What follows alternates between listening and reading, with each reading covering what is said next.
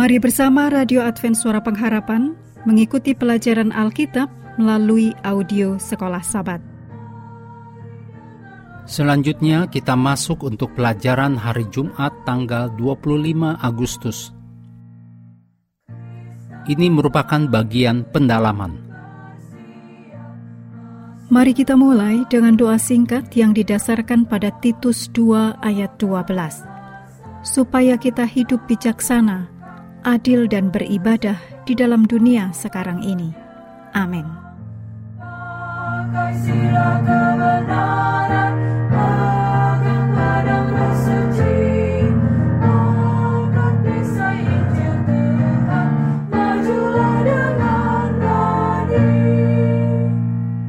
Melihat kembali Efesus 5 ayat 1 sampai 20 secara keseluruhan, kita menyaksikan Paulus mengambil sikap yang tegas terhadap dosa dan kejahatan, terutama dalam bentuk percabulan dan ucapan kasar.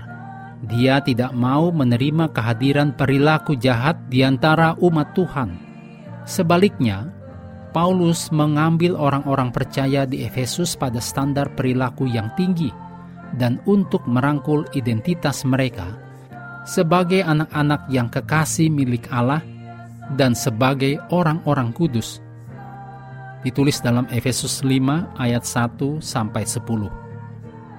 Paulus berani untuk percaya bahwa ketika pengikut Kristus dalam komunitas melakukannya, mereka memancarkan terang ke dalam kegelapan, menarik tetangga mereka menjauh dari gaya hidup yang merugikan diri sendiri dan ke dalam kasih karunia dan kebenaran Allah.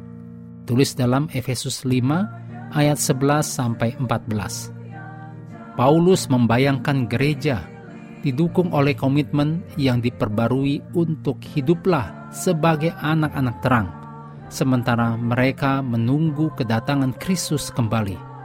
Tulis dalam Efesus 5 ayat 8 Efesus 5 ayat 15 dan 16. Dan diberkati oleh hadirat Kristus.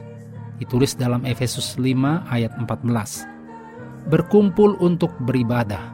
Karena mereka dimotivasi oleh status mereka seperti anak-anak yang kekasih milik Allah dan oleh kematian Kristus bagi mereka. Efesus 5 ayat 1 dan 2. Dan dipenuhi dengan roh ditulis dalam Efesus 5 ayat 18.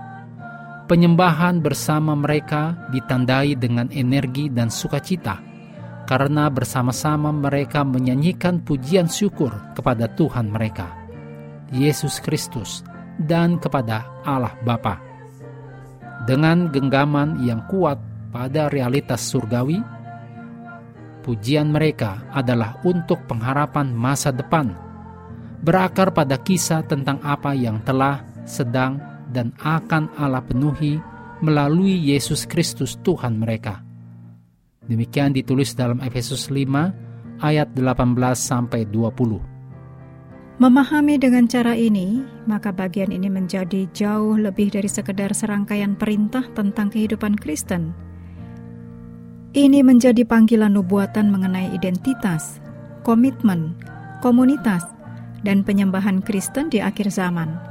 Sebuah undangan penuh ajakan untuk mengambil tawaran yang ditawarkan di hari-hari sampai kedatangan Kristus kembali.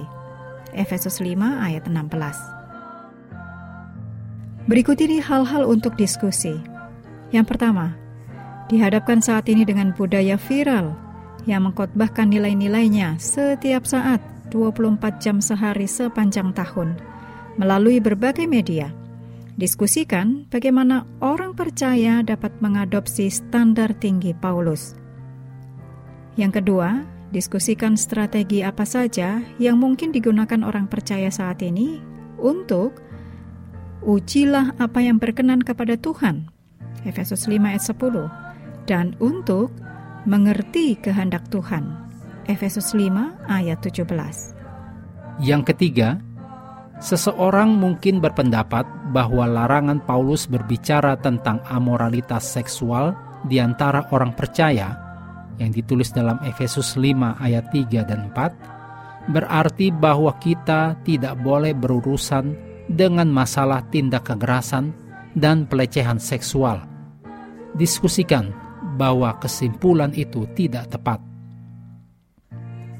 Yang keempat, diskusikan dengan cara apakah masyarakat kontemporer kita mencerminkan praktek-praktek kafir yang serupa dengan yang Paulus hadapi pada zamannya.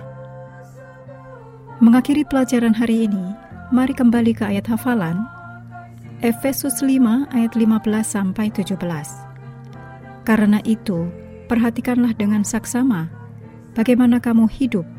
Janganlah seperti orang bebal, tetapi seperti orang arif.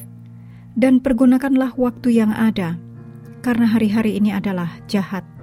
Sebab itu janganlah kamu bodoh, tetapi usahakanlah supaya kamu mengerti kehendak Tuhan.